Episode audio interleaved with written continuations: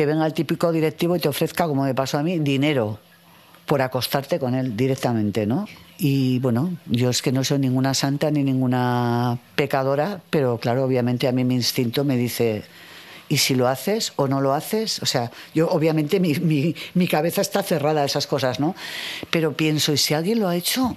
¿Qué le hace creer que así vale? Porque seguramente que la segunda vez le pedirá algo más. O si no, le amenazará con que me has comido la polla para llegar aquí, ¿me entiendes? Entonces, eh, es increíble, pero sigue pasando esto, ¿no?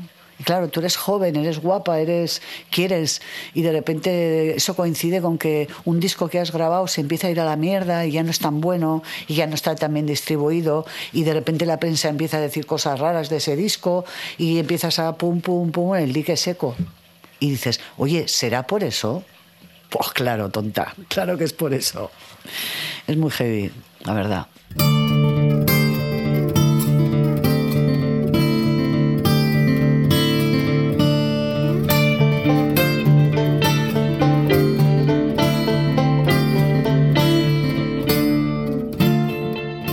Hoy, aquí, ahora o cuando te venga bien, abrimos una nueva temporada de Estamos Dentro. Una experiencia inmersiva en los hogares y las vidas de nuestros invitados. Porque no hay mejores gafas de realidad aumentada que vuestra imaginación, os invitamos a que nos acompañéis en esta visita producida por Ulu Media para EITV Podcast. Un saludo de John Martija, que será quien llame al timbre de nuestros protagonistas en esta nueva temporada.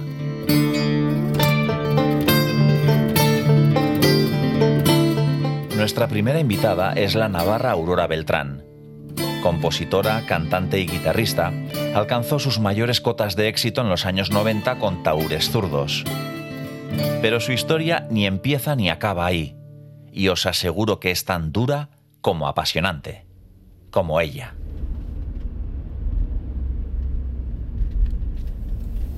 Nos dirigimos a Usi, un concejo tutelado, que es como se define administrativamente este pequeño núcleo de población integrado en el valle de Juslapeña, a 16 kilómetros de Pamplona. Gira a la derecha hacia calle San Andrés, luego gira a la izquierda para continuar por calle San Andrés. Aquí reside desde hace años Aurora Beltrán. Tu destino está a la izquierda.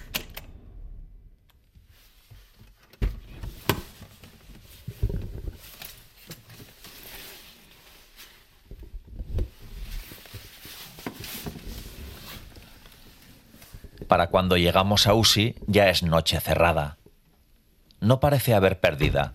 Hay un puñado de casas y el GPS nos ha dejado a la puerta de un gran caserón de piedra caliza. Aurora. Gracias. Buenas. Que aquí grabamos hasta la, la llegada a la casa. Ah, ¿le das al altavoz o eso ya Venga. Le damos, ¿no? Un poquito. Sí, dale. A ver. Espera, ¿te oyo? Venga. ¿Qué te parece? Vale, dale de nuevo. ¿Cómo suena esto? Ahí está, ahí está Ulises en la escalera, esperando a que subamos para salir pitando. Luego irán subiendo, porque son así ellos. Pues venga, Subid, venga. vamos para arriba. Hola, Es Ulises. es sitio de porque ya habrás visto que toda la parte de abajo hay que tener su casa, sus arenas, todo su. O sea que tienes tu casa y su casa también. Sí, sí, su casa es la parte de abajo,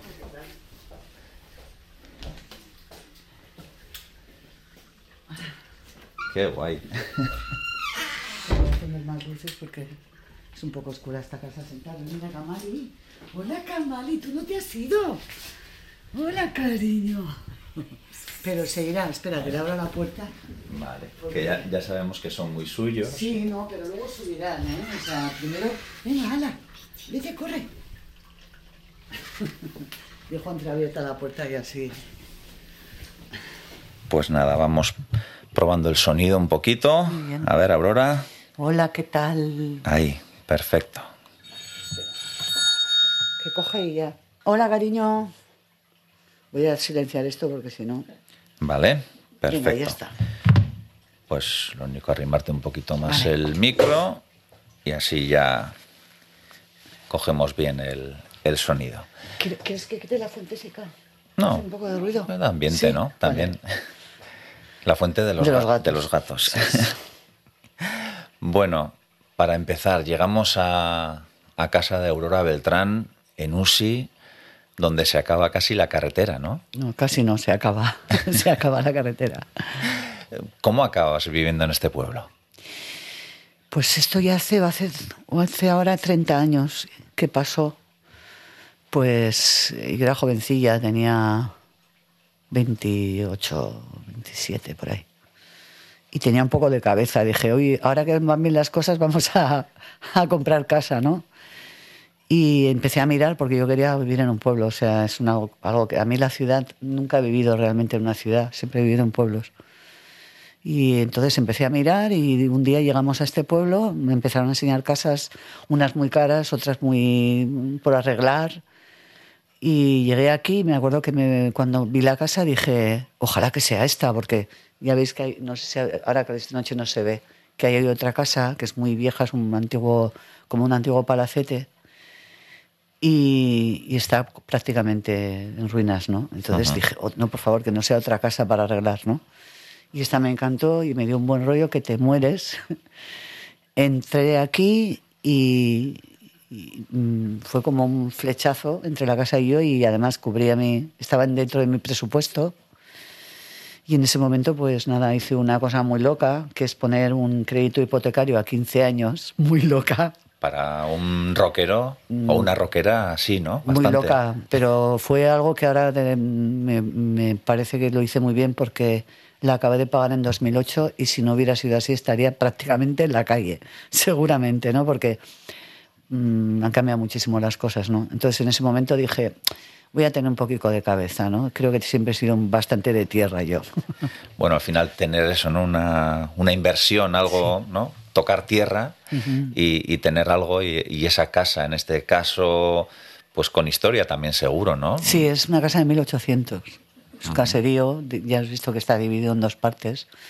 En, en vertical, una, vive una familia que cuando yo, llegado, cuando yo llegué miró Debbie por la ventana, tenía un hijo que era pequeño, que ahora ya tiene hijos él, y me confesó que dijo, ojalá que sea una chica.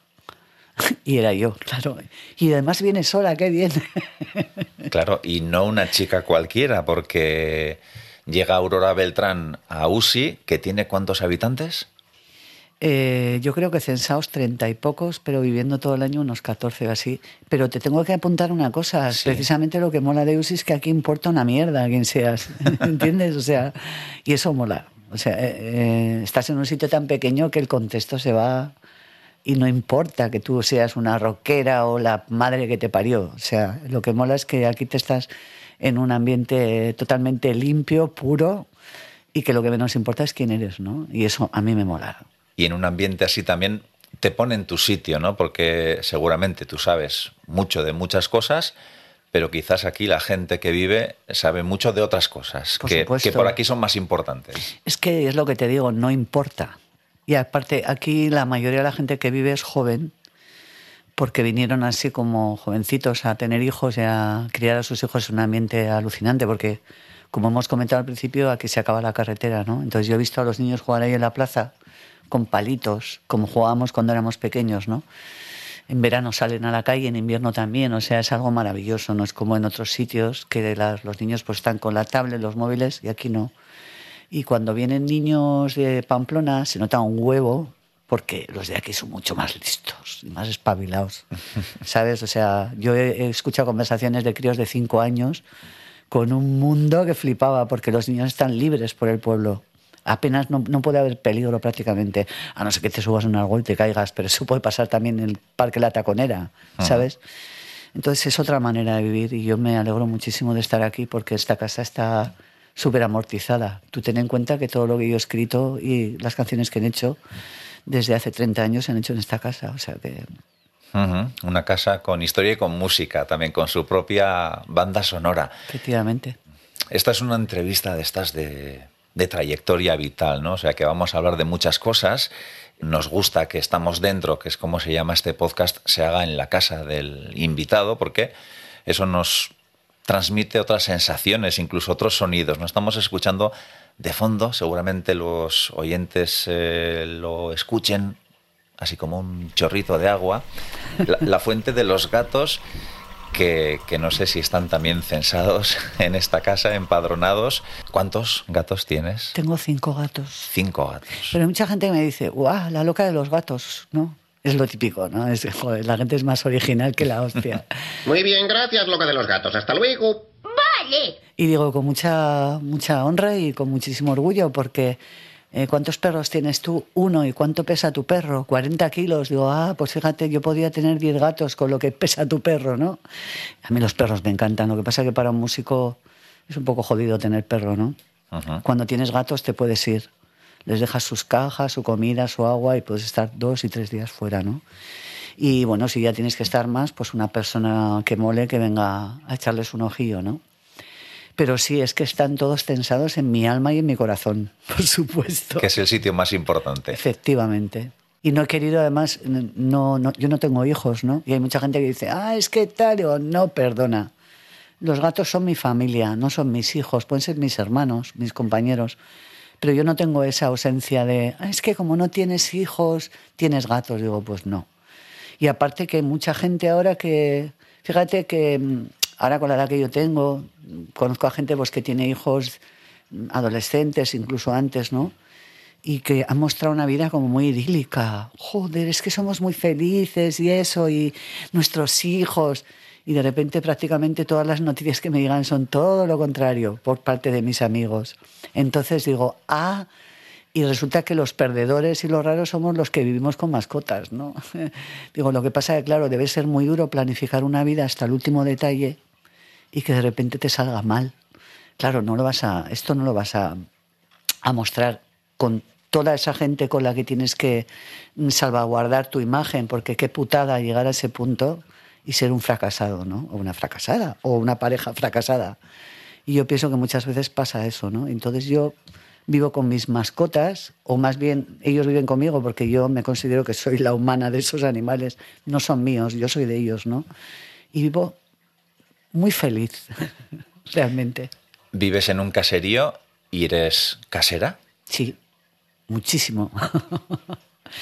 sí, a ver, no tengo, no soy huertera porque no tengo huerta y eso, pero yo creo que cuando tienes un trabajo que, te, que es estar fuera, viajar y eh, dormir en hoteles y comer en restaurantes, cuando llegas aquí esto es un bastión. O sea, aquí te, es como, como una trinchera, ¿no? Que te atrincheras aquí yo salgo muy poquito. O sea, además, por desgracia, tengo mala salud, entonces tuve que, durante bastantes años, pues he estado como un poco confinada.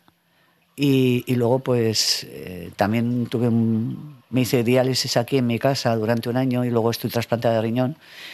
Y entonces, pues, estoy entrenada y me gusta, además, estar sola. O sea, es una cosa que lo llevo bien. Lo de estar confinada y siendo una trayectoria vital la que queremos repasar, tenemos que empezar por la infancia. El otro día me acordé de que Verde era mi valle, esa película en la que el niño protagonista se cae a un río helado y tiene que pasar dos años encamado, ¿no? sin poder salir de casa. ¿Cuánto tardará en recuperarse?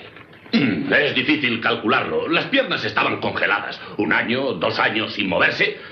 Pero no puedo prometerle que vuelva a caminar. La naturaleza debe seguir su curso. No hable tan alto. Me parece que le ha oído. ¿Has oído lo que dijo el médico? Sí, señor. ¿Y lo has creído? Sí, señor. Tú quieres volver a caminar, ¿verdad?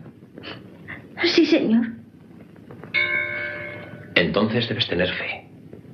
Si tienes fe, volverás a caminar, digan lo que digan los médicos tu historia con otras circunstancias y por otra razón, pero también es muy parecida porque de niña estuviste dos años sin, sin poder andar, como quien dice. Sí, como quien dice, no, sin poder andar. Yo tuve una enfermedad rara que se llama PERTES, que lo que consiste en que hay, un virus que te ataca la cabeza del fémur y lo necrosa. Entonces hay un único tratamiento que es eh, a base de calcio, calcio y, y estar quieta, ¿no? Y tuve mucha suerte porque fuimos tres casos en mi pueblo Y a mí, mi padre veía que en la clínica universitaria lo que parecía que estaban, que yo era una cobaya, ¿no? Porque era como una rareza. Y entonces pidió a un médico, que además es un médico conocido, Javier Erice, que tuvo un partido político que se llamaba UNAI hace mucho tiempo, que vive todavía mi pediatra, o sea, tiene noventa y tantos años y sigo hablando con él, es una maravilla de persona. Y le aconsejó que me llevara a un señor que se llamaba doctor Cañadel, que era experto en tema de caderas y cosas, ¿no? Y entonces este señor me escayoló, así, yo tenía siete años, me escayoló, me puso como una especie de corsé y la pierna derecha, que era la que tenía el fémur, o sea, la cabeza del fémur necrosada, y entonces en una silla de ruedas, pues eh, bastante tiempo, ¿no? Tuvieron que cambiarme un par de veces la escayola por el crecimiento, pero una de ellas es porque me tiraron de la silla y se me rompió la escayola. Entonces el tratamiento se trataba de calcio, calcio, calcio y estar quieta para que el calcio cogiera, se, aferrara a la cabeza de ese fémur, ¿no? Y me curé. Luego estuve en algún aparato ortopédico un año para aprender a andar y tal en la pierna derecha. Dos años sin ir al colegio. Y ahí es cuando empezó mi vida en este contexto, ¿no? Porque es curioso como una cosa así marca un punto de inflexión, porque ahí empecé a tocar la guitarra, precisamente, ¿no? ¿Qué te regaló tu padre una guitarra? Mi padre era una persona muy inteligente, con una inteligencia emocional increíble, como mi madre también, los dos. A pesar de haber venido de una historia muy dura, porque mi padre nació en el 29 y mi madre en el 37, o sea, ya sabemos de lo que hablamos, ¿no? Y entonces ahí empecé a jugar con ese juguete nuevo y eso me ha marcado la vida para siempre, es curioso. Sin duda. También la infancia, ¿no? Eh, como decíamos, postrada, dos años sin ir al colegio, eh, esa interacción ¿no? con el resto de niños que seguro que... Pues que ya sabemos cómo son los críos, que, que son bastante cabrones. Mucho. No, no tuvo que ser fácil. Pues no, porque, bueno, a mí, a mí me llamaban Clara. Jo, es que coincidió, claro, estaba huevo, ¿no? Clara de Heidi. Sí, claro, Sí. hombre, Clara, Clara, como era rubita y tal.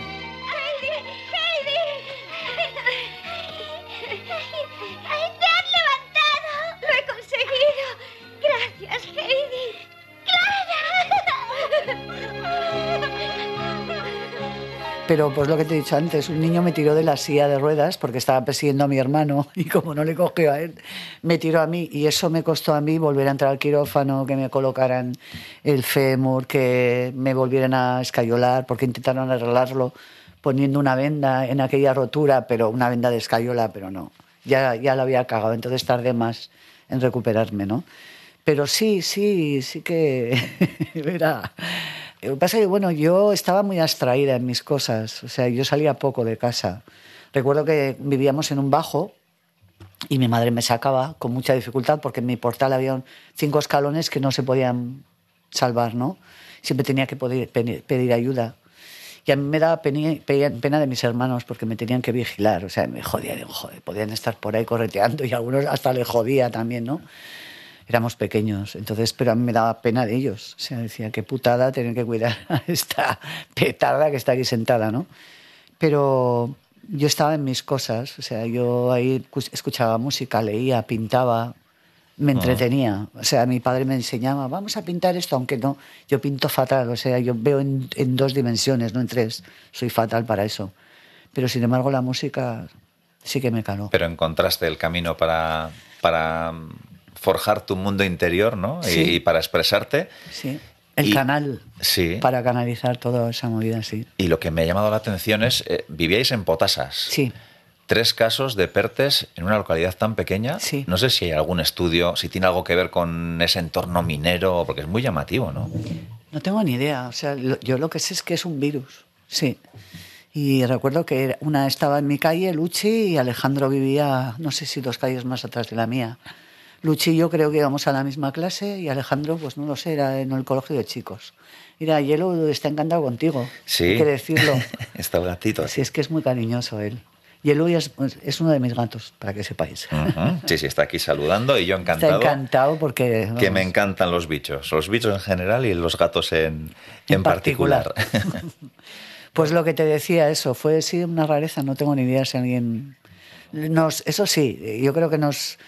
mm, utilizaron mucho para arriba y para abajo a ver esta movida, ¿no? Eh, Y yo creo que por eso mi padre dijo, no, no, paso de, de a mí que la están trasteando mucho, ¿no?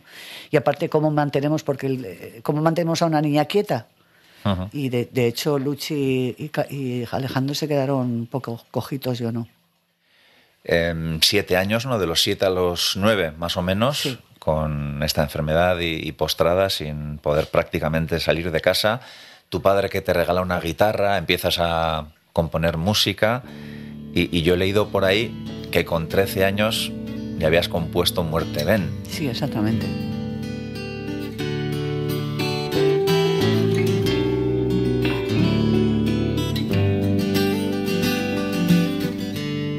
Me sumerjo en mi cabeza, muerte ven. Veo a hombres torturados, muerte ven. Túnel del espejo no se ve. Se ha empañado con mi vaho, mortuario, muerte ven. Yo no sabía nada entonces. Yo solamente escribía lo que me dolía, ¿no? Y a mí me dolió que a mí me gustaba un chico que era más mayor que yo. Y andábamos tonteando, pero yo era una niña, pues eso. Y pues cuando tienes esa edad se nota dos años más o tres, ¿no? Y hubo un accidente de coche y él se murió. Ujú. Entonces yo escribí aquella canción, ¿no? Y luego, pues, eh, claro, llamó la atención porque luego esa canción la, la grabamos con Taures, fue una de las primeras canciones que grabamos. Y, y recuerdo, pues eso, que luego, claro, cuando a mí no me llamaba la atención, porque para mí era lógico hacer eso, o sea, no, no me planteaba, pero por lo visto ya cuando descubrí que para los demás eran rarezas me empecé a sentir yo rara. Pero descubrí a un escritor que se llama Rimbaud, que obviamente no me comparo con él, pero también fue un tío muy precoz. Escribió mucho cuando era joven y bueno, la- eso no me ha pasado a mí, pero él murió muy joven también, ¿no? Y se codeaba pues con los impresionistas franceses, ¿no? En aquella época. Entonces, él escribió un libro que yo leí que se llamaba Desde el infierno, que me pareció, dije, coño, otro rarito, ¿no? También. Pero bueno, mm, son cosas que pasan. Yo no, no le echaba cuentas a eso. O sea, eh, creo que le echas más cuentas cuando la gente empieza a pensar cosas que para, para mí todo ha sido muy natural siempre. Sí, pero es llamativo que muchos creadores, ¿no? Mm, Cosas que han escrito, que han compuesto a tan jóvenes, ¿no? Con 13 años, como era tu caso con Muerte Sí. eh, luego con el tiempo o, o reniegan o no se ven reflejados en esa canción, en, en ese poema o lo que sea, y, y en tu caso transmite una madurez brutal, ¿no? Tenía 13 años y perdí a una persona. Fue mi primera pérdida importante. La que era consciente de que esa persona que, que me gustaba o que quería, o vete tú lo que rondaba por la cabeza de una cría entonces, ¿no? Había desaparecido de una manera muy trágica, ¿no? Entonces yo quería morirme, por eso decía Muerte, ven. Es una canción que, que está como diciendo, pues yo también me quiero ir, ¿no? Ahí. Y la escribí, no sé si denota madurez o no, pero es lo que yo sentía y por eso lo escribí. Nunca seré una letra más.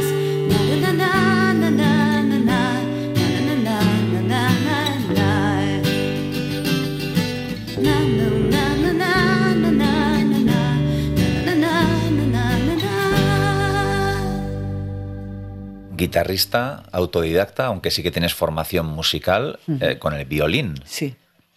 Pues empecé a tocar donde, lo que te digo, en aquella época, más bien era un juego, ¿no? Eh, aprendí a afinar la guitarra, me faltaba una cuerda que era de la tercera a la segunda, que hay cuatro intervalos, no cinco trastes, ¿no? Y yo decía, aquí pasa algo raro, ¿no? Y ya por fin descubrí, porque ahora, ahora haces así, pum, entras en YouTube y tienes 100 mil millones de tutoriales, ¿no? Pero entonces no era. Y jugando y jugando, pues aprendí a tocar. Y eh, me fijaba en cosas, ¿no? Me fijaba, a lo mejor veía la tele y veía. Y lo o sea, mm, lo pensaba y lo tocaba y me dolían los dedos y, hacía posturas raras. Entonces, claro, yo aprendí, tengo una mano muy pequeña y aprendí a tocar de una manera que cuando yo entré al conservatorio para estudiar violín, porque yo quería tocar el cello primero, pero tenía la mano tan pequeña que decidieron que si iba a ser ahora no les hubiera dejado, hubiera cogido un, un cello más pequeño, ¿no? Ujú. Porque hay diferentes medidas de cello. De hecho, claro, cuando eres pequeño empiezas a tocar un cello pequeño, Sí. como los violines, ¿no? Y, eh, y empecé a tocar el violín, pero intenté estudiar guitarra y el profesor que se llamaba Ángel Zudaire, El que estaba me dijo que era imposible porque ya tenía muchos vicios, claro. O sea, yo había adquirido una manera... Vicios musicales. Sí, vicios musicales, efectivamente, en esa época. Bueno, he sido poco viciosa, la verdad, en toda mi vida, ¿no? Pero vicios musicales, vamos a recalcar.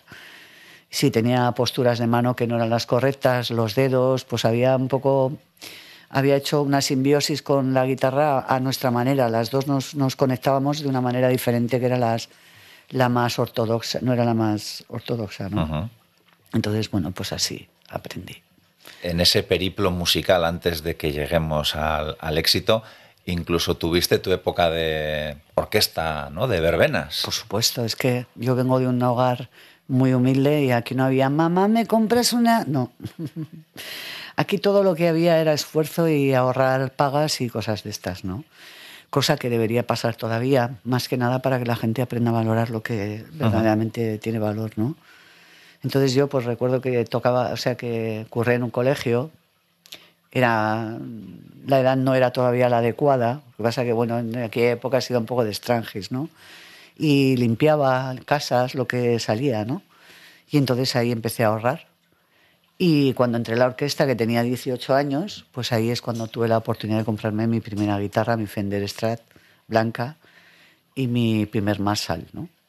Y así, así, currando, pateando muchos kilómetros, aguantando a muchos gilipollas. Es una buena escuela, Dentro de la, sí, bueno, es la más, porque es como... Yo decía que era la mili de los músicos, ahora es que la mili como no existe tampoco, ¿no? Entonces mm, estabas en un ambiente muy hostil en cuanto a tus propios compañeros, porque yo era una chica de 18 años muy mona, entonces imagínate. Mi madre era una mujer muy inteligente y me decía, si tú quieres ser honrada, porque mi madre era andaluza y mi padre también de Jaén, lo eres hasta en un cuartel de, de soldados, hija mía. Claro, era el tema de que me tenía que estar defendiendo constantemente de todo, ¿no? Por ser mujer, por tocar, por tal, por cual. Por no permitir que se me vistiera de otra manera, que no fuera la de mis compañeros. No permitir los tacones ni los escotes. Eso estamos hablando de hace 40 años. O sea, quiero decir que no era tan fácil la movida, ¿no? Ujú.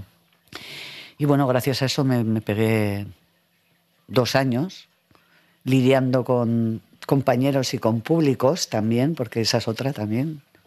El público de orquesta es tremendo. Todo el mundo cree que, que manda. Los jóvenes porque son jóvenes, los casados porque son casados, los solteros. Y esto de, si no tocáis más, os tiramos a Alaska o no volvéis el año que viene. Esto era una amenaza constante, ¿no?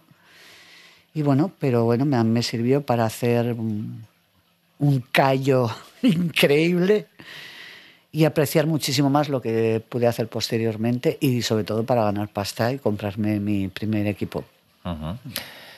Mm, Entiendo también que esa infancia en la que, más allá de la escayola, tenías que hacerte tu propio escudo, ¿no? tu propia armadura, tanto, sí. eh, fue un aprendizaje para luego también reivindicarte, defenderte y, y no sentirte menos que nadie, ¿no? Por supuesto, qué remedio, ¿no? O sea, hay momentos que no, no puedes, aunque luego te quedes sola y digas, ¡guau! Hecha polvo, estoy, me cago en todo y tal. Pero yo creo que la gente que no quiere que estés bien es lo que le mola verte mal.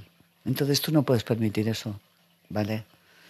Y tuve que madurar muy, muy joven, o sea, pues cuando era muy jovencita, en aquella época en la que tenía que crearme ese escudo con los niños y tal, ¿no?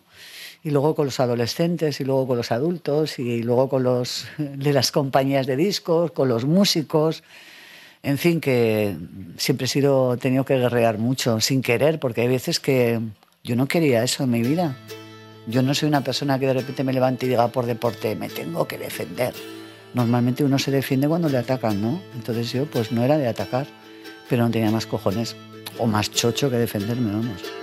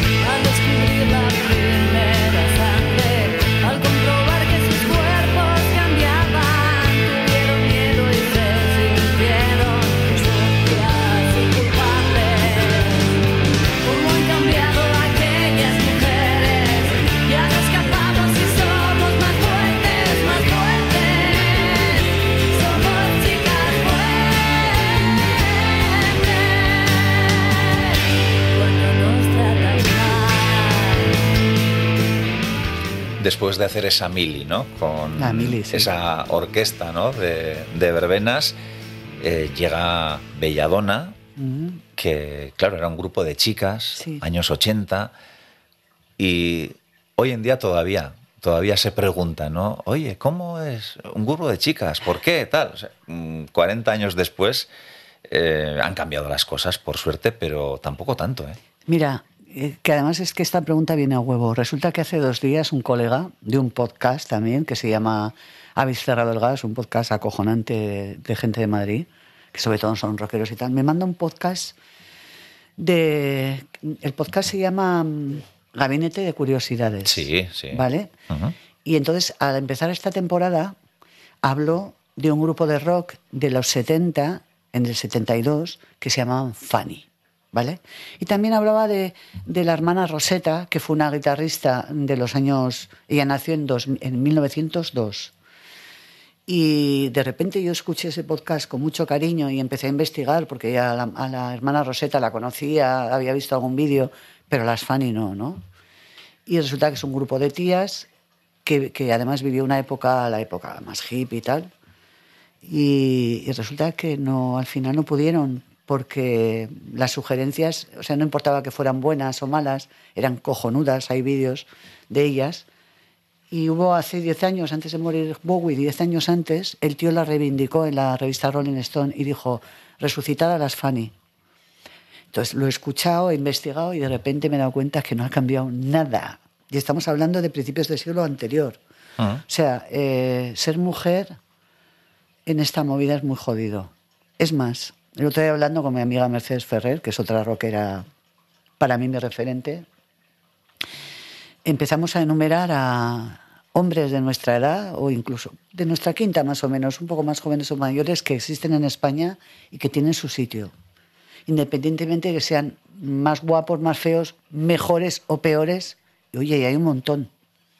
Y de repente empezamos a enumerar a mujeres de nuestra quinta que tenían esto y no estamos ninguna. Entonces dices, ¿qué pasa? Que ya no importa el, bien tocar, ya no importa el bien componer, ya no importa el bien cantar. ¿Qué importa ahora? Y de repente empiezas a plantearte un montón de cosas y dices, coño, pero este podcast que, que escuché, este episodio, no es que me haya abierto los ojos, la putada es que no me los ha abierto, me ha... Lo que, ha, lo que ha hecho es reafirmarme ¿no? más en lo que en mi teoría. Es una putada, pero tenemos que vivir con eso, ¿no? Me jode decirlo, pero no tengo más remedio, porque si no es que me hundiría hasta, hasta bueno, ¿sabes? Y no, no me lo puedo permitir eso. No puedo. ¿Cómo era ser chica rockera en esa Pamplona de los años 80? ¿Cómo te diría? Yo siempre he intentado que me respetaran, ¿no?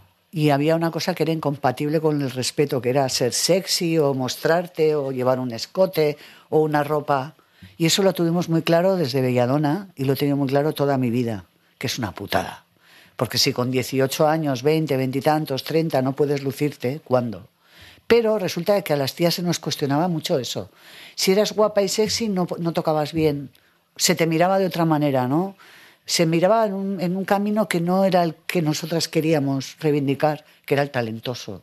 El, el poder ser guitarristas o bajistas, baterías, compositoras, cantantes.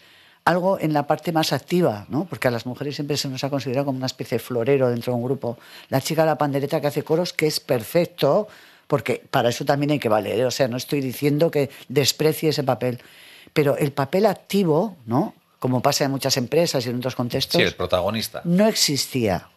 Y si existía, se te cuestionaba mil veces a ver si tú lo que estabas haciendo era bueno, malo, regular, ¿sabes? Y, y resulta de que ahora han cambiado mucho todo, porque ahora, por lo visto, sí se... mm, Estoy un poco perdida, ¿no? Porque, claro, mm, ahora dicen que a lo mejor el feminismo que yo reivindicaba era feminismo mm, de- de la sección femenina, ¿sabes? Lo he oído y digo, cojones. No, lo que pasa que eh, a las mujeres que enseñaban se les menospreciaba total. O sea, por ejemplo, pues, ¿quién ha- Susana Estrada o, o- o tías que estuvieran en una parte activa y que de repente no se les ocurría. Porque entonces siempre se te miraba por ese lado que tú no querías, ¿no? Y ahora resulta que es que ha dado la cosa a la vuelta, ¿no? Y ahora sí. por lo visto, digo yo por lo visto, porque claro, yo ya tengo 57 años y no tengo ninguna intención de enseñar teta, ni culo, ni nada, ¿vale? O sea, me parece precisamente porque, porque yo he crecido toda mi vida en un punto de que para que mm, nos tomaran en serio era todo lo contrario que tenías que hacer. Aparte, ¿quién te dice a ti que haciendo eso te iba a ir bien, ¿sabes? Y luego hay otra cosa que me parece importante, que es que esto es una carcasa, ¿vale? Esto, lo que tenemos, es una carcasa que caduca. Es así. Nosotros vamos haciendo los mayores y caduca. Pero hay otra parte de dentro que esa no caduca. Esa está ahí dentro, ¿no? Que es el talento, el respeto. Y entonces ahora de repente pues veo cosas que ya no sé si, si están bien o mal, porque yo lo que te digo, te lo digo en serio, estoy perdida. Cuando sale a lo mejor pues 20 chicas en un yate con un tal Zetangana y reivindican que por qué ya somos feministas y pueden hacer lo que les da la gana y tienen razón de alguna manera, ¿no? Y luego pues otras que dicen, pues voy a enseñar las tetas, porque tal, y dices, vale. Y de repente yo me imagino detrás de un sitio haciéndose un tío una paja, es que es acojonante. ¿Sabes lo que te digo? O sea que antes lo que se podía tachar de machismo hacia los que mm, reivindicaban que las tías fuéramos así, a mí me da la sensación de que ahora se ha dado la vuelta de tal manera que ahora ya es feminista eso. Y que si te viene un tío se hace una paja detrás de un seto mirando las tetas de una pava que está dándole de mamar a su hijo en un parque, no le puedes decir nada. Porque tú estás dándole mamar con toda la libertad, aunque tú quisieras que eso no llamara la atención, pero va y sí la llama. Y como tú quieres hacerlo, te tienes que enfrentar con el pajillero o con la señora que viene en beata perdida mirándote raro porque le das el pecho a tu hijo en un parque. Entonces de repente yo estoy muy perdida. Se me ha hecho un lío en la cabeza y digo, ¿y ahora qué? Las que no hemos enseñado somos de Primo de Rivera. ¿O cómo no? Y estoy hecha un poco un lío, ¿sabes lo que te digo? Pero me da la sensación de que al final siempre ganan los mismos. Porque ahora, ¿qué va a pasar? Que a las chicas que tienen talento también se les va a exigir enseñar las tetas o el culo o, ponerse, ¿sabes? Yo creo que antes era un- una especie de, de parche que se ponía para que eh, si el talento no estaba, ¿vale? Pues se mirara por ahí. Pero ahora, ¿qué pasa con las que sí tienen talento? ¿Sabes? Y encima son guapas, ¿no? No sé, es que es, no sé si se me entiende lo que quiero decir, pero yo Sí, ya sí. te digo, estoy hecha un poco el lío, ¿no? Y por otro lado, digo que, que a las mujeres hagan lo que les dé la gana, pero siempre siendo muy conscientes de lo que puede repercutir. Porque este ejemplo que te he puesto de la mujer dándole, si yo tuviera que darle a mi hijo o a mi hija el pecho en el parque, ¿sabes lo que haría? Me lo taparía. Pero no porque no me parezca natural ni me, que me diera vergüenza, sino porque paso de que me joda el día el pajillero detrás del seto o la señora que me mira con cara de "Ah, esta tía que está haciendo. ¿Sabes lo que te digo? El mundo sí. es muy jodido. Y a mí me, me gustaría que las chicas salieran a la calle con el pantalón ese short de vaquero, que pues, enseñando cachete, o que pusieran, como les diera la gana. Pero es que el mundo está muy jodido. Y lo único que puede pensar una madre cuando un hijo sale o una hija sale en ese punto es, no te pongas esto porque puede venir el lobo, ¿sabes? Viene el lobo, porque el lobo existe. El lobo sigue ahí. El lobo existe todavía, entonces a mí me da miedo del lobo, ¿sabes? Y paso de enfrentarme con el lobo, aunque suene mi postura muy cobarde, no es cobarde, es realista. Y paso de que me joda la vida un puto lobo. Bueno, Belladona, dejamos esa etapa y llegamos a, a Taures, ¿no? La chica al frente de una banda, componiendo, liderando el grupo, inicios, ¿no? En la escena navarra, discográfica local, conseguís dar el salto a una multinacional. Ahí también entiendo que en muchas situaciones poniendo los ovarios sobre la mesa, ¿no? No te haces una idea. O sea, me, me evocan movidas que me han pasado chungas, ¿no? Y claro, pues tú tratas de superar eso, ¿no? Y cuando te pasan dices, coño, esto es una puta película de serie B, que me está pasando a mí esto, ¿no? Es lo, no sé, yo creo que se me entiende, ¿verdad? Lo que pienso. Porque de hecho sigue pasando también. A mí hay chicas jóvenes que me cuentan qué pasa. Que venga el típico directivo y te ofrezca, como me pasó a mí, dinero por acostarte con él directamente, ¿no? Y, y, bueno, yo es que no soy ninguna santa ni ninguna pecadora, pero claro, obviamente a mí mi instinto me dice, y si lo haces o no lo haces, o sea, yo obviamente mi, mi, cabeza está cerrada a esas cosas, ¿no? Pero pienso, ¿y si alguien lo ha hecho? ¿Qué le hace creer que así vale? Porque seguramente que la segunda vez le pedirá algo más. O si no, le amenazará con que me has comido la polla para llegar aquí, ¿me entiendes? Entonces, eh, es increíble, pero sigue pasando esto, ¿no? Claro, tú eres joven, eres guapa, eres quieres y de repente eso coincide con que un disco que has grabado se empieza a ir a la mierda y ya no es tan bueno y ya no está tan bien distribuido y de repente la prensa empieza a decir cosas raras de ese disco y empiezas a pum pum pum el dique seco y dices, "Oye, ¿será por eso?" Pues claro, tonta, claro que es por eso. Es muy heavy, la verdad. A mí me han pasado cosas y encima, claro, yo era una chica con chicos y hay veces que tú eso no se lo puedes explicar a ellos, porque a lo mejor ellos no lo entienden, ¿sabes? ¿Te sentías arropada por el grupo? Pues creo que no. No. Es heavy que lo diga, ¿verdad? Me sentía arropada por alguna chica porque lo entendían. Pero los chicos no lo entendían. O sea, a ver, yo no fui directamente y les conté tal. Les conté cuando ya empezó todo a enrarecerse. ¿Por qué no nos lo has contado? Digo, porque os reíais muchísimo con ese pavo. ¿Vale? O sea, y eh, os caía muy bien. No sé, ¿sabes? O sea, el, el lobo. El lobo. El lobo. El puto lobo, ¿sabes? El lobo que es psicópata y sabe cómo caer bien y, y, habla de cosas que, que aunque me, me considero una persona más delante, pero al fin y al cabo soy una mujer y me molesta escuchar ciertas cosas, ¿no? Y, y me rechina escuchar ciertas cosas que hablaban. Estamos hablando que los tiempos son distintos hace pues 20, 30 años que ahora, ¿no? Pero me rechina y me chirría mucho es- es- escuchar ciertas conversaciones en las que se habla de mujeres, ¿no? Entonces yo procuro irme porque sé que si salto la vamos a liar. Y muchas veces me he callado para no liarla, ¿sabes? O sea que... ¿Y no te tenía por alguien que, que se calle o que, bueno, pues se guarde su opinión, aunque como apuntas hay situaciones en las que igual es mejor He tenido que Correr un callarme, tupido sí. velo. Sí, exactamente. Es lo que te he dicho del pecho. Ujú. Pues le daría una hostia al pajillero, una patada en los huevos. Y a la señora le diría, señora, es usted una hija de puta. Pero resulta de que me joden a mí mi día. Y la paz que yo estoy sintiendo en un momento es una, es una metáfora, ¿no? Pero muchas veces dices, es que si yo reivindico o, o les digo, es que les voy a dar el gusto porque les voy a partir la cara.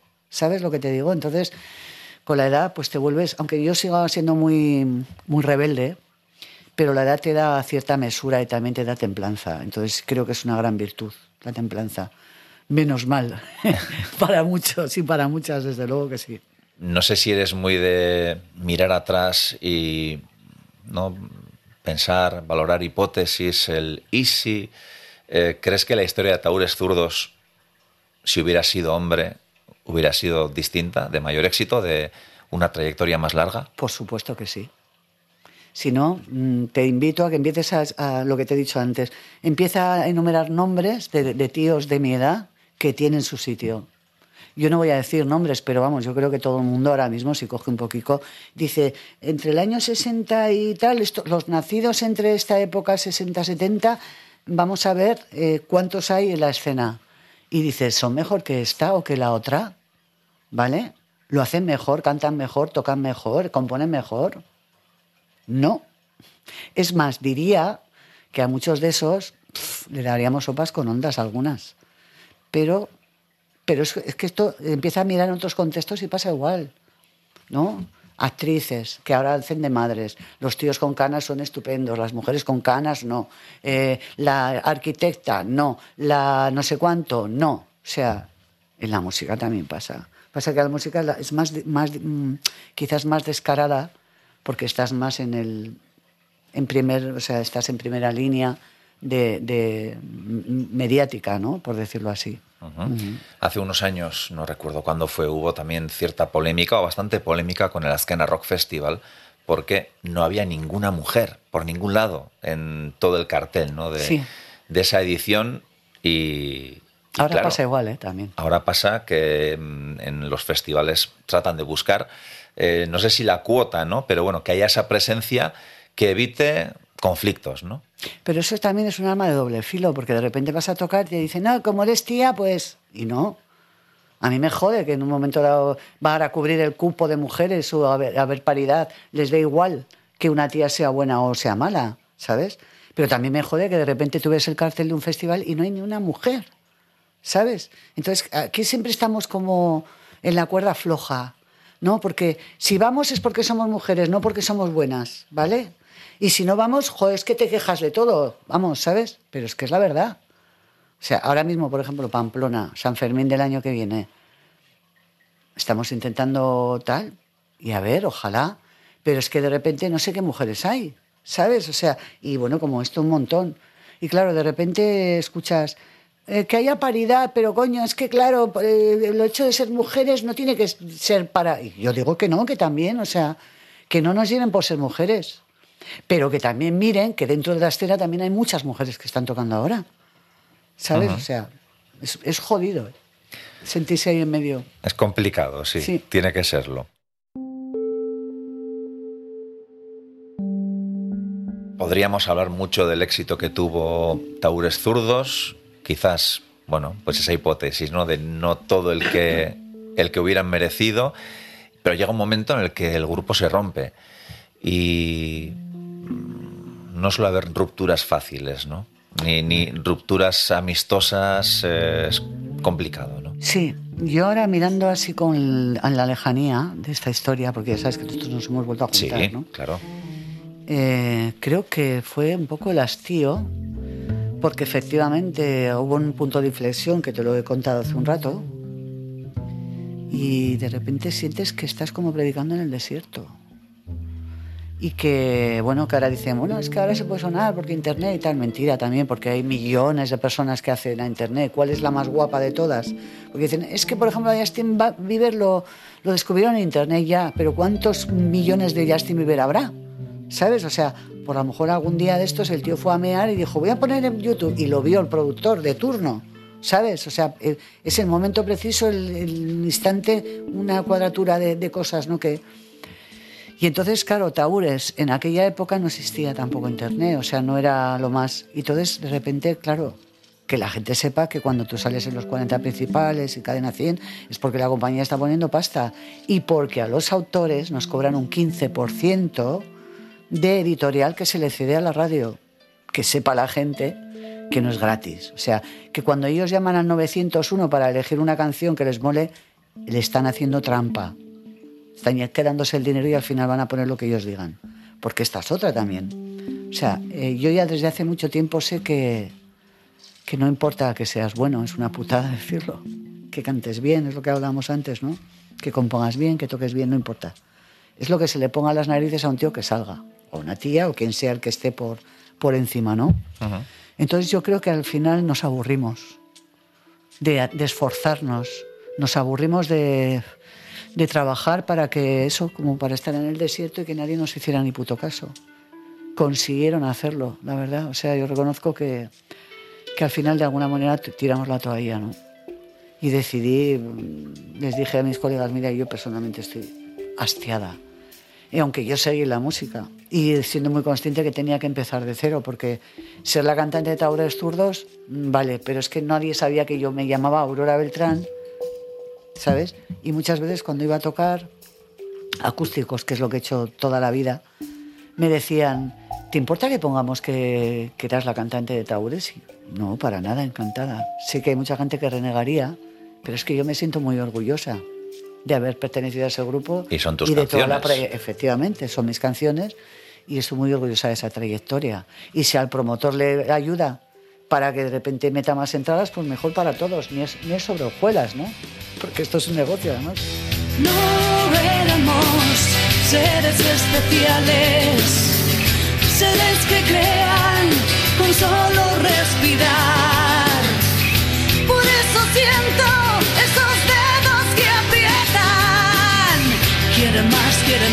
Quieren más, quieren más, quieren más, quieren más, quieren más. Es imposible que no puedan ver que es invisible. Por más que brille nunca lo tendrán, es intocable. Porque si todo es en color, al final me sale gris. Porque aunque piensen los demás, al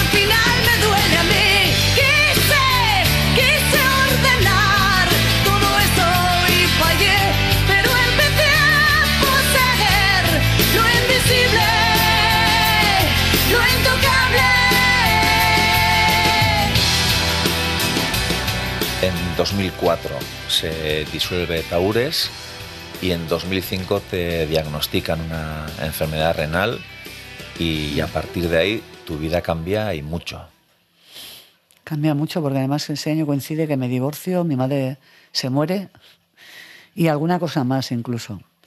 Y ahí yo, en una, después de toda esta movida que me estaba pasando, me sentía muy mal y me hice una analítica y el día de mi cumpleaños, el 26 de agosto, no se me olvidará que era un viernes, me llegan los resultados y eran horribles. Eran tan malos que, que me los hicieron repetir. Y los, los estaban bien, la que estaba mal era yo, ¿no? Y entonces pues ahí ya eh, empezaron a... Yo tenía síntomas, estaba jodida anteriormente, pero fui al médico y me decía que tenía el síndrome de la clase turista o que se me echaban las piernas cuando íbamos de viaje y tal, ¿no? Y bueno, fue un año horrible, horrible, sobre todo por la muerte de mi madre, ¿no? Que es lo que yo más quería en mi vida. Y la sigo queriendo. De hecho, y no sé si verás ahí las fotos de mis padres. Sí, No les he puesto vela porque me daba corte, fíjate, pero normalmente siempre tienen una velita como esa que está puesta ahí. Bueno, ese año fue horrible y además me, me claro, entró en una espiral de medicaciones, visitas y tal, que se alarga mucho en el tiempo. Y pues empiezo a tener diferentes tratamientos, muchas, y claro, esto me es bastante cortapisa a la hora de viajar, tocar. Estaba muy debilitada, ¿no? Porque esto es una enfermedad autoinmune y vas bajando la, la capacidad renal y cada vez estás más débil. Y al final, pues, llega un trasplante cuando yo estaba en un 2% de... Bueno, miento, ahí es cuando entré en diálisis, ¿vale? Que coincide con la salida de mi disco Usiana. Ujú, 2017. Sí, entonces coincide con eso y de hecho me lo comunican seis días antes de hacer una presentación en el Gallarre con el disco ya físico y ya con un concierto cerrado en el Teatro Gallarre, ¿no? Entonces yo estuve a punto de, bueno, creo que decidí en esos momentos suspender aquel concierto, pero al final dije, lo vas a hacer. Aunque parezcas un poco patética, porque obviamente cuando uno está enfermo, pues es un poco patético en el escenario. Pero me da igual, lo saqué para adelante y dos días después me pusieron un catéter. Y entré en diálisis que me lo hacía yo en mi casa. Decidieron que yo a lo mejor mi perfil era ese, de ser una tía muy fuerte, que puede con todo y tal. Y, y nada, pues aquí estuve en esa habitación, justo lo que da aquí arriba, con la máquina y que parecía eso un quirófano lleno de cosas. Me entró un poco de TOC porque tenía que tener mucho cuidado con el tema de la higiene. Ujú. Limpiaba la habitación todos los días con agua y lejía, muebles incluidos, todo. Y aún y todo, pues tuve problemas. Con... Cogí el, el temido estafilococo y yo me decía, ¿qué has hecho de mal? Y menos mal que me decían las enfermeras, no te preocupes, que tienes un catéter dentro y el cuerpo se defiende, ¿no? Porque tuve la parte, la- el aureus, que es el bueno, entre comillas, hay otro es- que es peor, que entonces a lo mejor ese si hubiera tenido ese, a lo mejor ya no podía optar a un trasplante. O sea que fíjate, tela marinera. Trasplante en 2018 Sí. y aquí cabe decir eso de y tocaré y tocaré hasta que mis dedos sangren porque, bueno, ya sé que componer no componías en esa época, No. pero sí que eh, la música, bueno, suena un poco a, a frase hecha, pero te ha salvado, ¿no? Siempre. La música siempre me ha salvado, sí. Es lo más, aunque parezca una contradicción, es lo más tangible que he tenido para, para salvarme. Siempre desde pequeña, además fíjate lo que te he contado, ¿no? Y sí, aunque sea tocando sin componer, porque en esos momentos no, mucha gente me preguntaba, joder, tienes mucho tiempo. Sí, pero ganas... mm, Digo, sí, muchísimo tiempo, pero no me apetece nada escribir una puta coma, porque todo me va a evocar cosas que no quiero. O sea, estaba muy jodida. Yo de repente entré en modo Matrix, que decía, modo máquina, porque yo era como una especie de móvil enchufada a un cargador. Tenía suerte de que, porque luego empiezas a mirar las cosas y eh, tenemos la suerte, los eh, que tenemos insuficiencia renal, de tener una máquina que se ha inventado para poder vivir mientras esperas un trasplante, ¿no? Pero es totalmente deshumanizante, yo lo digo desde aquí. Yo tengo que reconocer que en esos momentos yo, me recetaron unas pastillas para dormir porque no, no dormía. Me tiraba nueve horas enchufada a la máquina todas las noches, ¿no? Todos los días. Y yo no quería tomármelas porque me parecía que me, estaba, me iba a enganchar algo, pero llegó un momento que tenía dos o tres cajas y las miraba con ojos golosones, pero encima, ¿sabes lo que me asusta más? No el de haber pensado comérmelas todas, sino que cuando lo pensaba me parecía lo más normal del mundo. O sea, no era como, qué trágico, ahora pienso en suicidarme y tal, sino que las miraba y tenía lógica. Sinceramente, o sea, lo tengo que decir. Y luego después de esto me enteré que la peritoneal, que es la que yo me hacía, hay un índice de suicidios de la hostia, por cierto, ¿no? Conozco un caso además muy de una persona que conozco yo de Madrid, que un tío suyo con 50 años se tiró de un séptimo piso, por ejemplo. Yo no tengo esos cojones, ¿sabes? Nunca me tiraría de un séptimo piso, ni de un tercero, ni de un segundo. Pero cuando las miraba decía, pues me duermo y ya está. Y cuando huela que me encuentren y punto. Y si me comen los gatos, pues que me coman, ¿no? Pero más que nada no era... Era la normalidad con que lo veía yo, esa movida, ¿no? Más que nada. Luego se te pasa. Día te dicen, hay un trasplante, hay un riñón para ti. Vas y no es para ti, porque primero, cuando hay algo incompatible, le llaman a esa persona, pero si en la última prueba que hacen, que es confrontar los, los anticuerpos, no esto, pues ya estás tú en el banquillo. Desilusión total, pero eso fue un 13 de agosto y el 24, el 24 de agosto me llamaron. El 25 me trasplantaron y el 26 era mi cumpleaños. O sea que, fíjate tú, qué regalazo. Cerramos el círculo, ¿no? Total.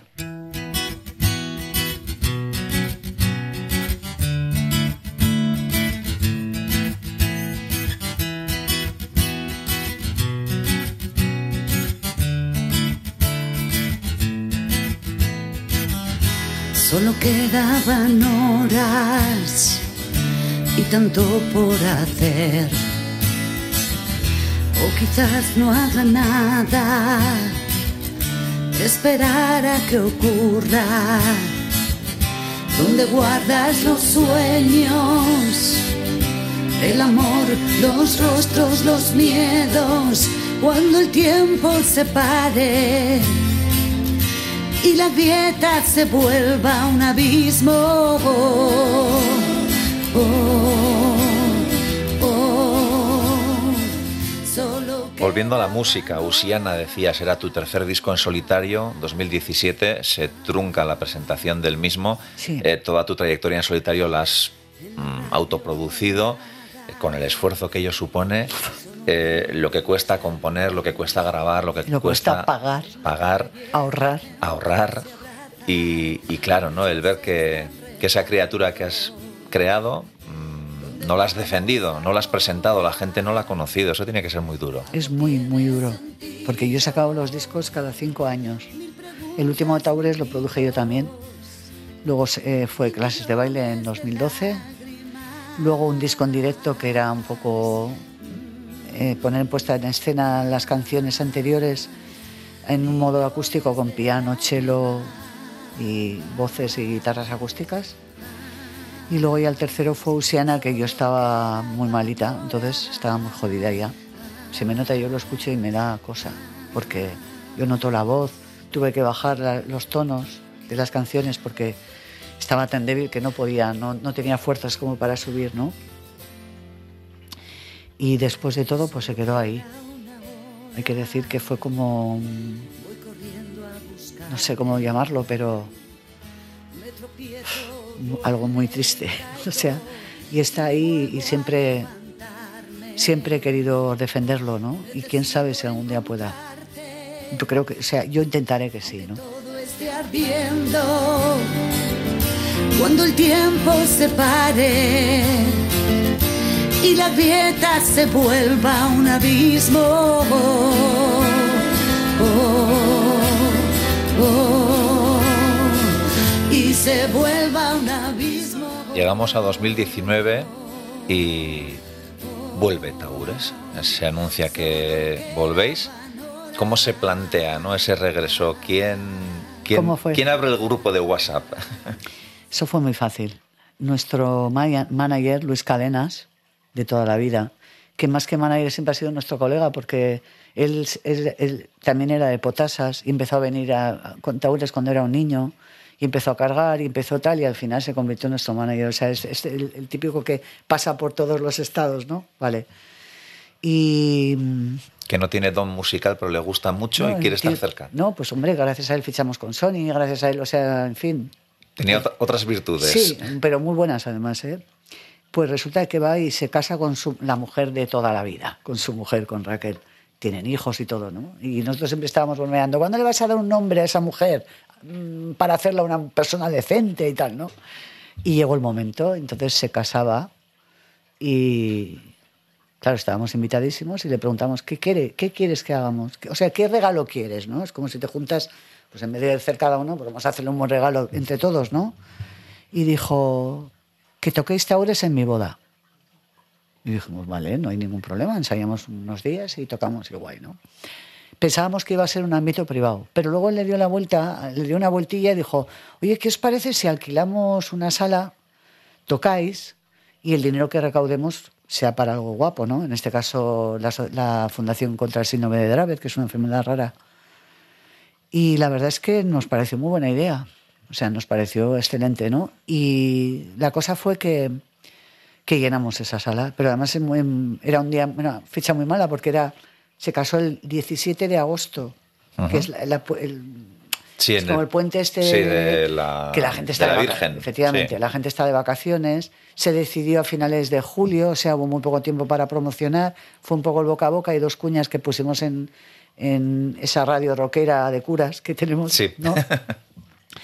y, y nada lo llenamos se agotaron las entradas entonces como los promotores son muy morbosos ya sabes lo que pasa empezaron a llamar y empezaron a salir fechas y dijimos, bueno, pues guay. Oye, a nadie le amarga un dulce, nos divertimos, como somos taures, juego, gano y me divierto, ese es nuestro lema, ¿sabes? Y entonces, oye, pues nos venía bien para todo, para desempolvar, para tocar y también oye, unas pelillas también vienen bien, ¿no? Que por cierto, recuerdo una vez un titular que salió en un periódico, volvemos por dinero. bueno, también, ¿vale? Bueno, lo hicieron los Sex Pistols, tampoco sí, pasa ¿no? nada. Pero bueno, que parece que, ¿sabes? O sea, oye, que es algo que no, que viene bien, hay que comer. Que Todos los músicos- días. Fíjense ustedes que los músicos también comemos, oiga. Bueno, el caso es que empezaron a salir conciertos y creo que menos uno todos fueron sold out, ¿no? Y, y empezaban a salir más cosas, más cosas, como los promotores veían que, se- que la cosa era viable.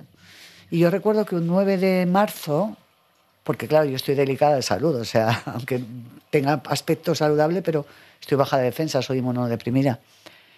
Y entonces recuerdo que empezó el tema este a dar coletazos, el tema del COVID, y un 9 de marzo co- co- colgué un post en, en esto, en, no sé si fue en Facebook, que dije, joder, lo siento mucho, porque me encanta besar, tocar, o sea, soy una persona de piel, pero a partir de ahora, mm, por favor, entender que no me acerque mucho, ni que dejéis de, o sea, que os pido que no, tal, ¿no? Porque encima yo soy incapaz de negar un beso o un abrazo.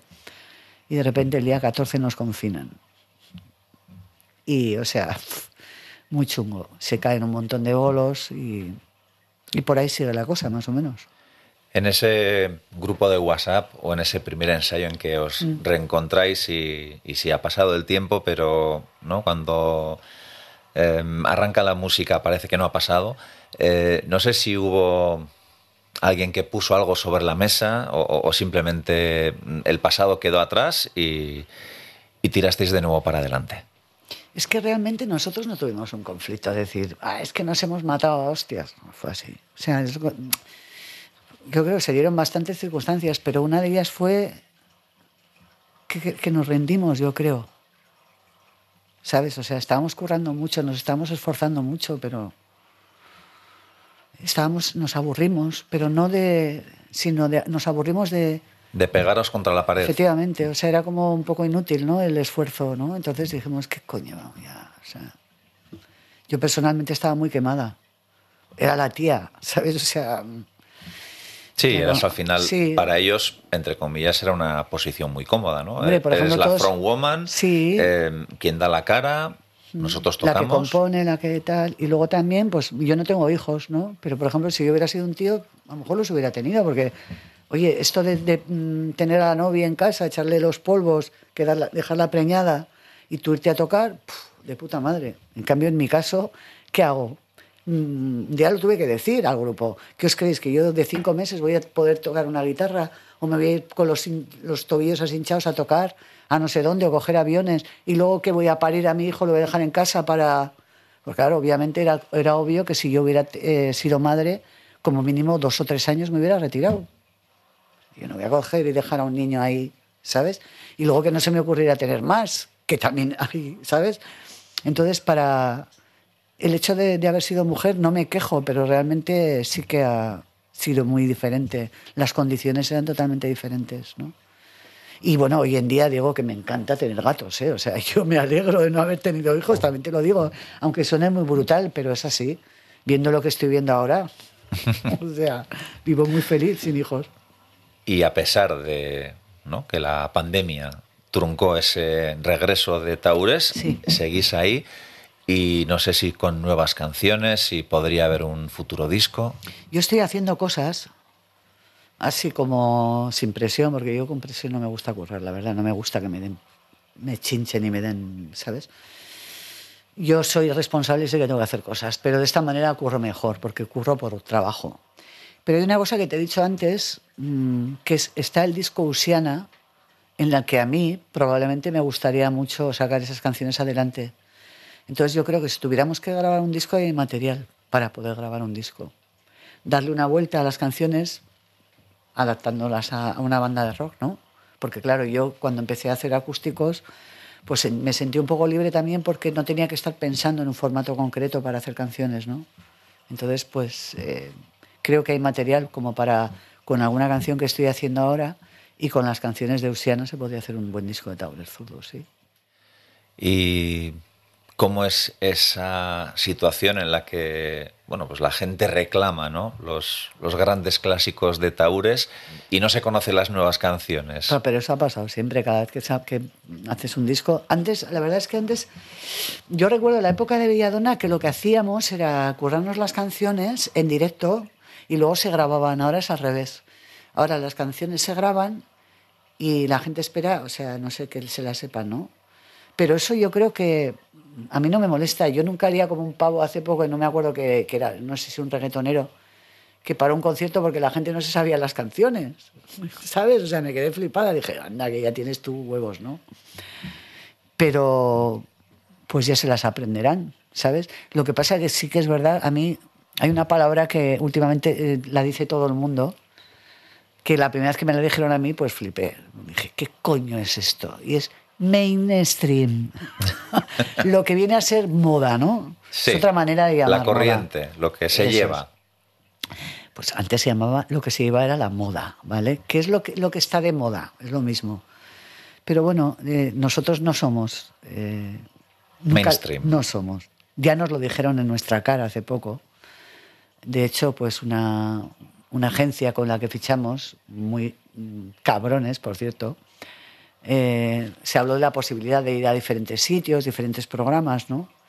Y resulta que por lo visto le ofrecieron a la resistencia que fuéramos y dijeron en la resistencia que nosotros no éramos mainstream.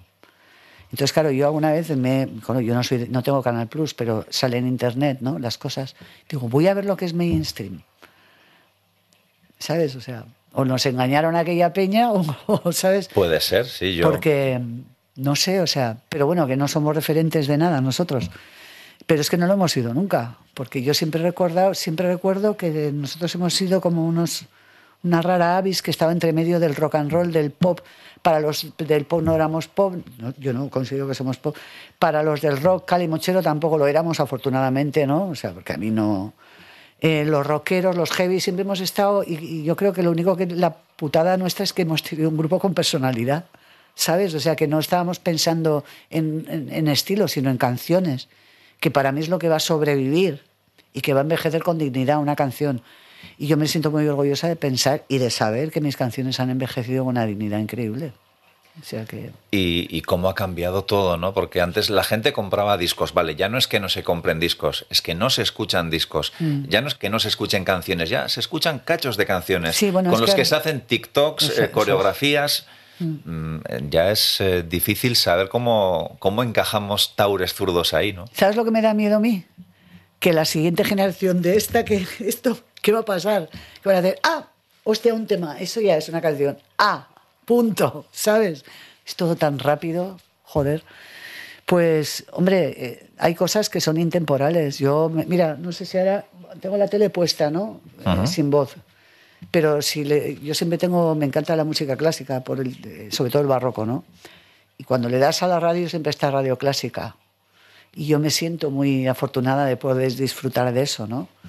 Y también recuerdo que había canciones o modas en los, no, en los 80. ¡Wow! Esto es muy, si se fuera ahora dirían mainstream, ¿vale?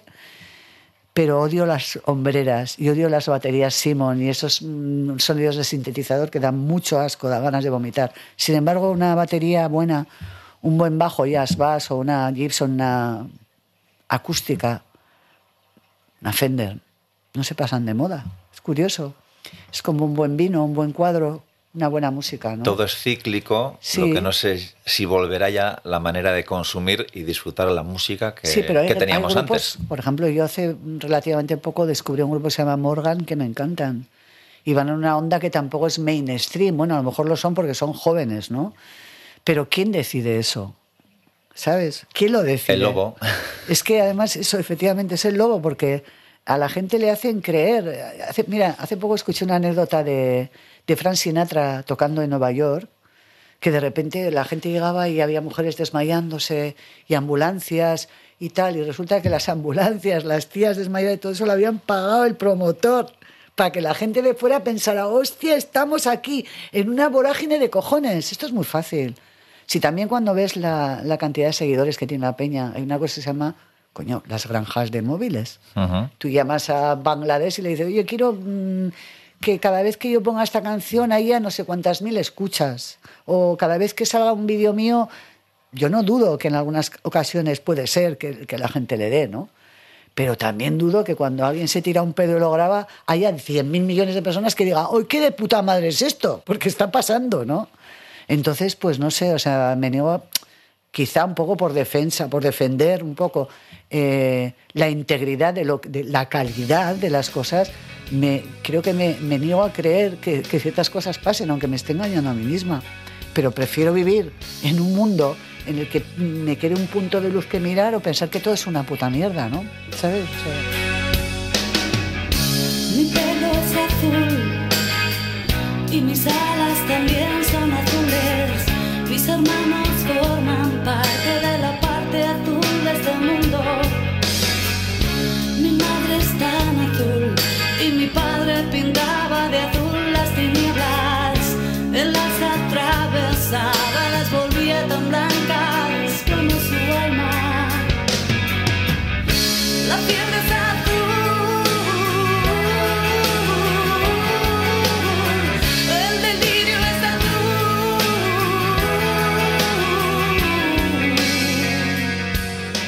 ¿Cómo es tu rutina, tu día a día, en el sentido de que has tenido una rutina muy dura con todo el tema de la diálisis que comentabas?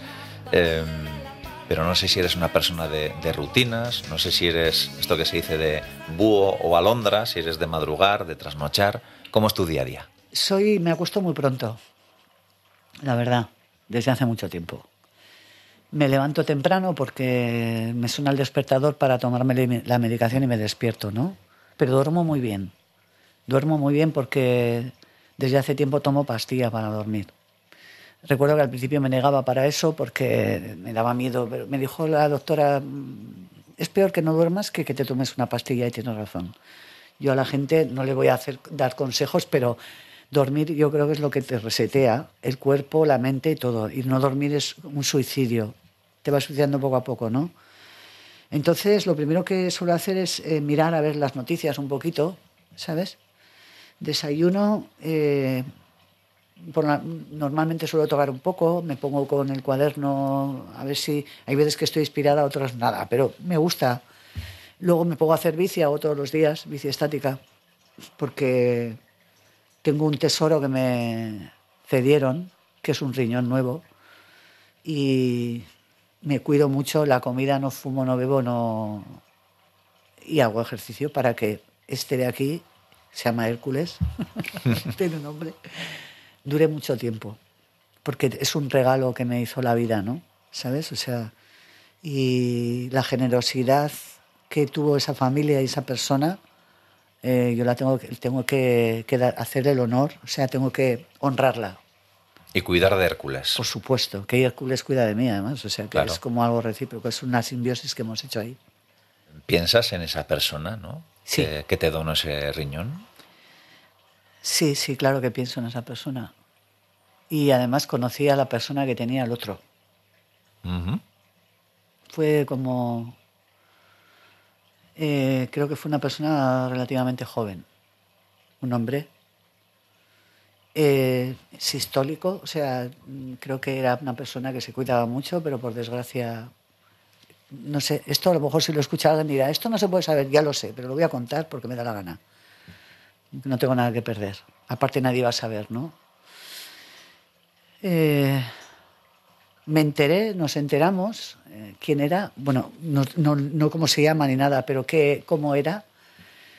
Y además, el día que me trasplantaron, al día siguiente de salir de la UCI, eh, te dicen, venga, arriba, levántate. Y tú, ¿cómo? Si no puedo ni moverme, ¿cómo? Arriba. Entonces tú vas por el pasillo andando como una viejica de 90 años, escogida, tocándote la cicatriz que te llega desde, desde prácticamente la, la ingle hasta mm, debajo del pecho, con más cosido que el copón, con la otra cicatriz del catéter, todo. Y de repente veo enfrente de mí a una chica y nos miramos las dos, que sabemos que las dos hemos- nos ha pasado lo mismo, y nos miramos y, y se nos empiezan a saltar las lágrimas.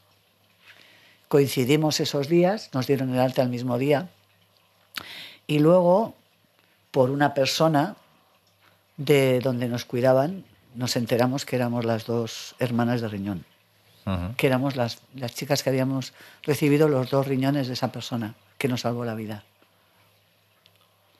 Es un, bien. un- un trozo de carne, dicho mm, de manera cruda, eh, de un hombre. Sí, era un hombre. Ujú.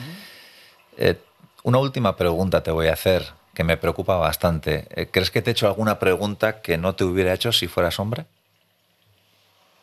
Sí. Sí, porque me has preguntado, cuando eres una tía en esta historia, ¿qué tal? Porque a nadie le preguntan, oye, cuando eres un tío en el rock and roll, mm, ¿qué se siente? ¿O qué se siente siendo una guitarrista o tal? Sí, pero va, no te preocupes, porque eso lo hacen muchos, ¿eh? O sea que es lo normal. Lo que molaría es que no se tuviera que hacer, pero porque no llamara la atención, ¿sabes? O sea que te perdono. A ver, es que es normal, o sea, es una rareza, ¿no? Nos ven como, es como cuando ves a un perrito que hace una triple vuelta, ¿sabes? Y hace, ay, qué bonito el perrito, fíjate, sabe hacer, un- está, está maestrado, ¿no? Pues nos miran un poco así. Eh, es duro decir que te acostumbras, a ver, pero no por ti, ni, o sea, en general, vamos. Hay una cosa que nos diferencia, lo demás es todo estándar. El, culo es estándar, el pecho no, bueno, hay tíos que tienen tetas también, ¿eh? O sea, a ver. Y luego, pues en vez de tener una colita, tenemos una vagina. El resto es todo igual o mejor, ¿sabes? Pero bueno, es, la vida es así. Y esperemos que esto se normalice alguna vez. Sí, llevamos muchos años hablando de esto y todavía hacemos preguntas que no somos No, conscientes pero es que las normal, hacemos. o sea, a ver si me entiendes, porque probablemente a lo mejor si yo no fuera una tía, a lo mejor tampoco estabas aquí. ¿Tú crees que estarías aquí si yo fuera una- un hombre? Yo estoy aquí porque eres Aurora Beltrán y por lo que te he escuchado, mm, más como persona incluso que como músico, que como músico te he escuchado mucho, por supuesto, pero por lo que representas, por lo que has defendido, sin abanderar nada Nada. y, y por esa actitud que siempre has demostrado y, y porque me apetecía. Muy bien. Ya está. Me parece que te cagas. Eres una persona inteligentísima con un gusto exquisito. Punto. ya está. Por eso estás aquí. Pues esta es una manera magnífica de acabar la entrevista.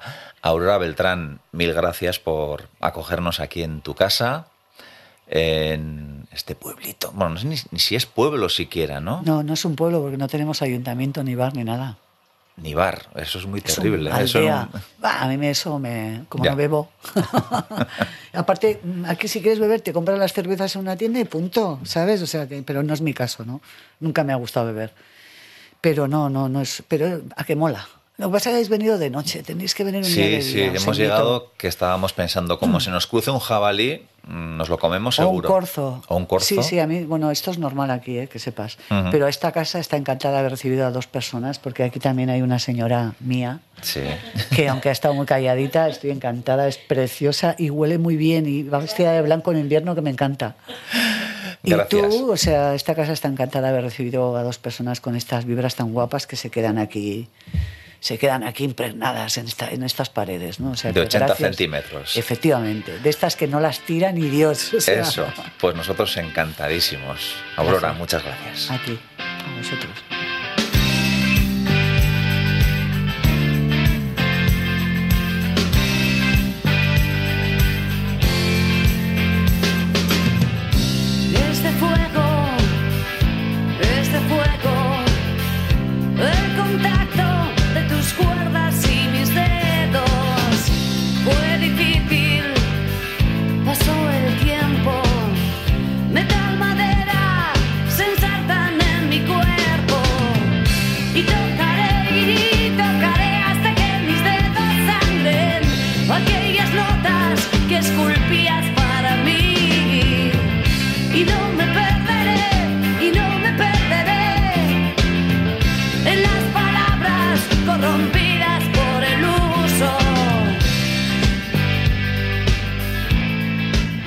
Gustado esta charla, como ya tenemos demasiadas cosas en la cabeza, os animamos a que os suscribáis a Estamos Dentro en EITV Podcast o en vuestra plataforma de audio favorita. Y así tenéis algo menos de lo que acordaros. Hasta la próxima visita.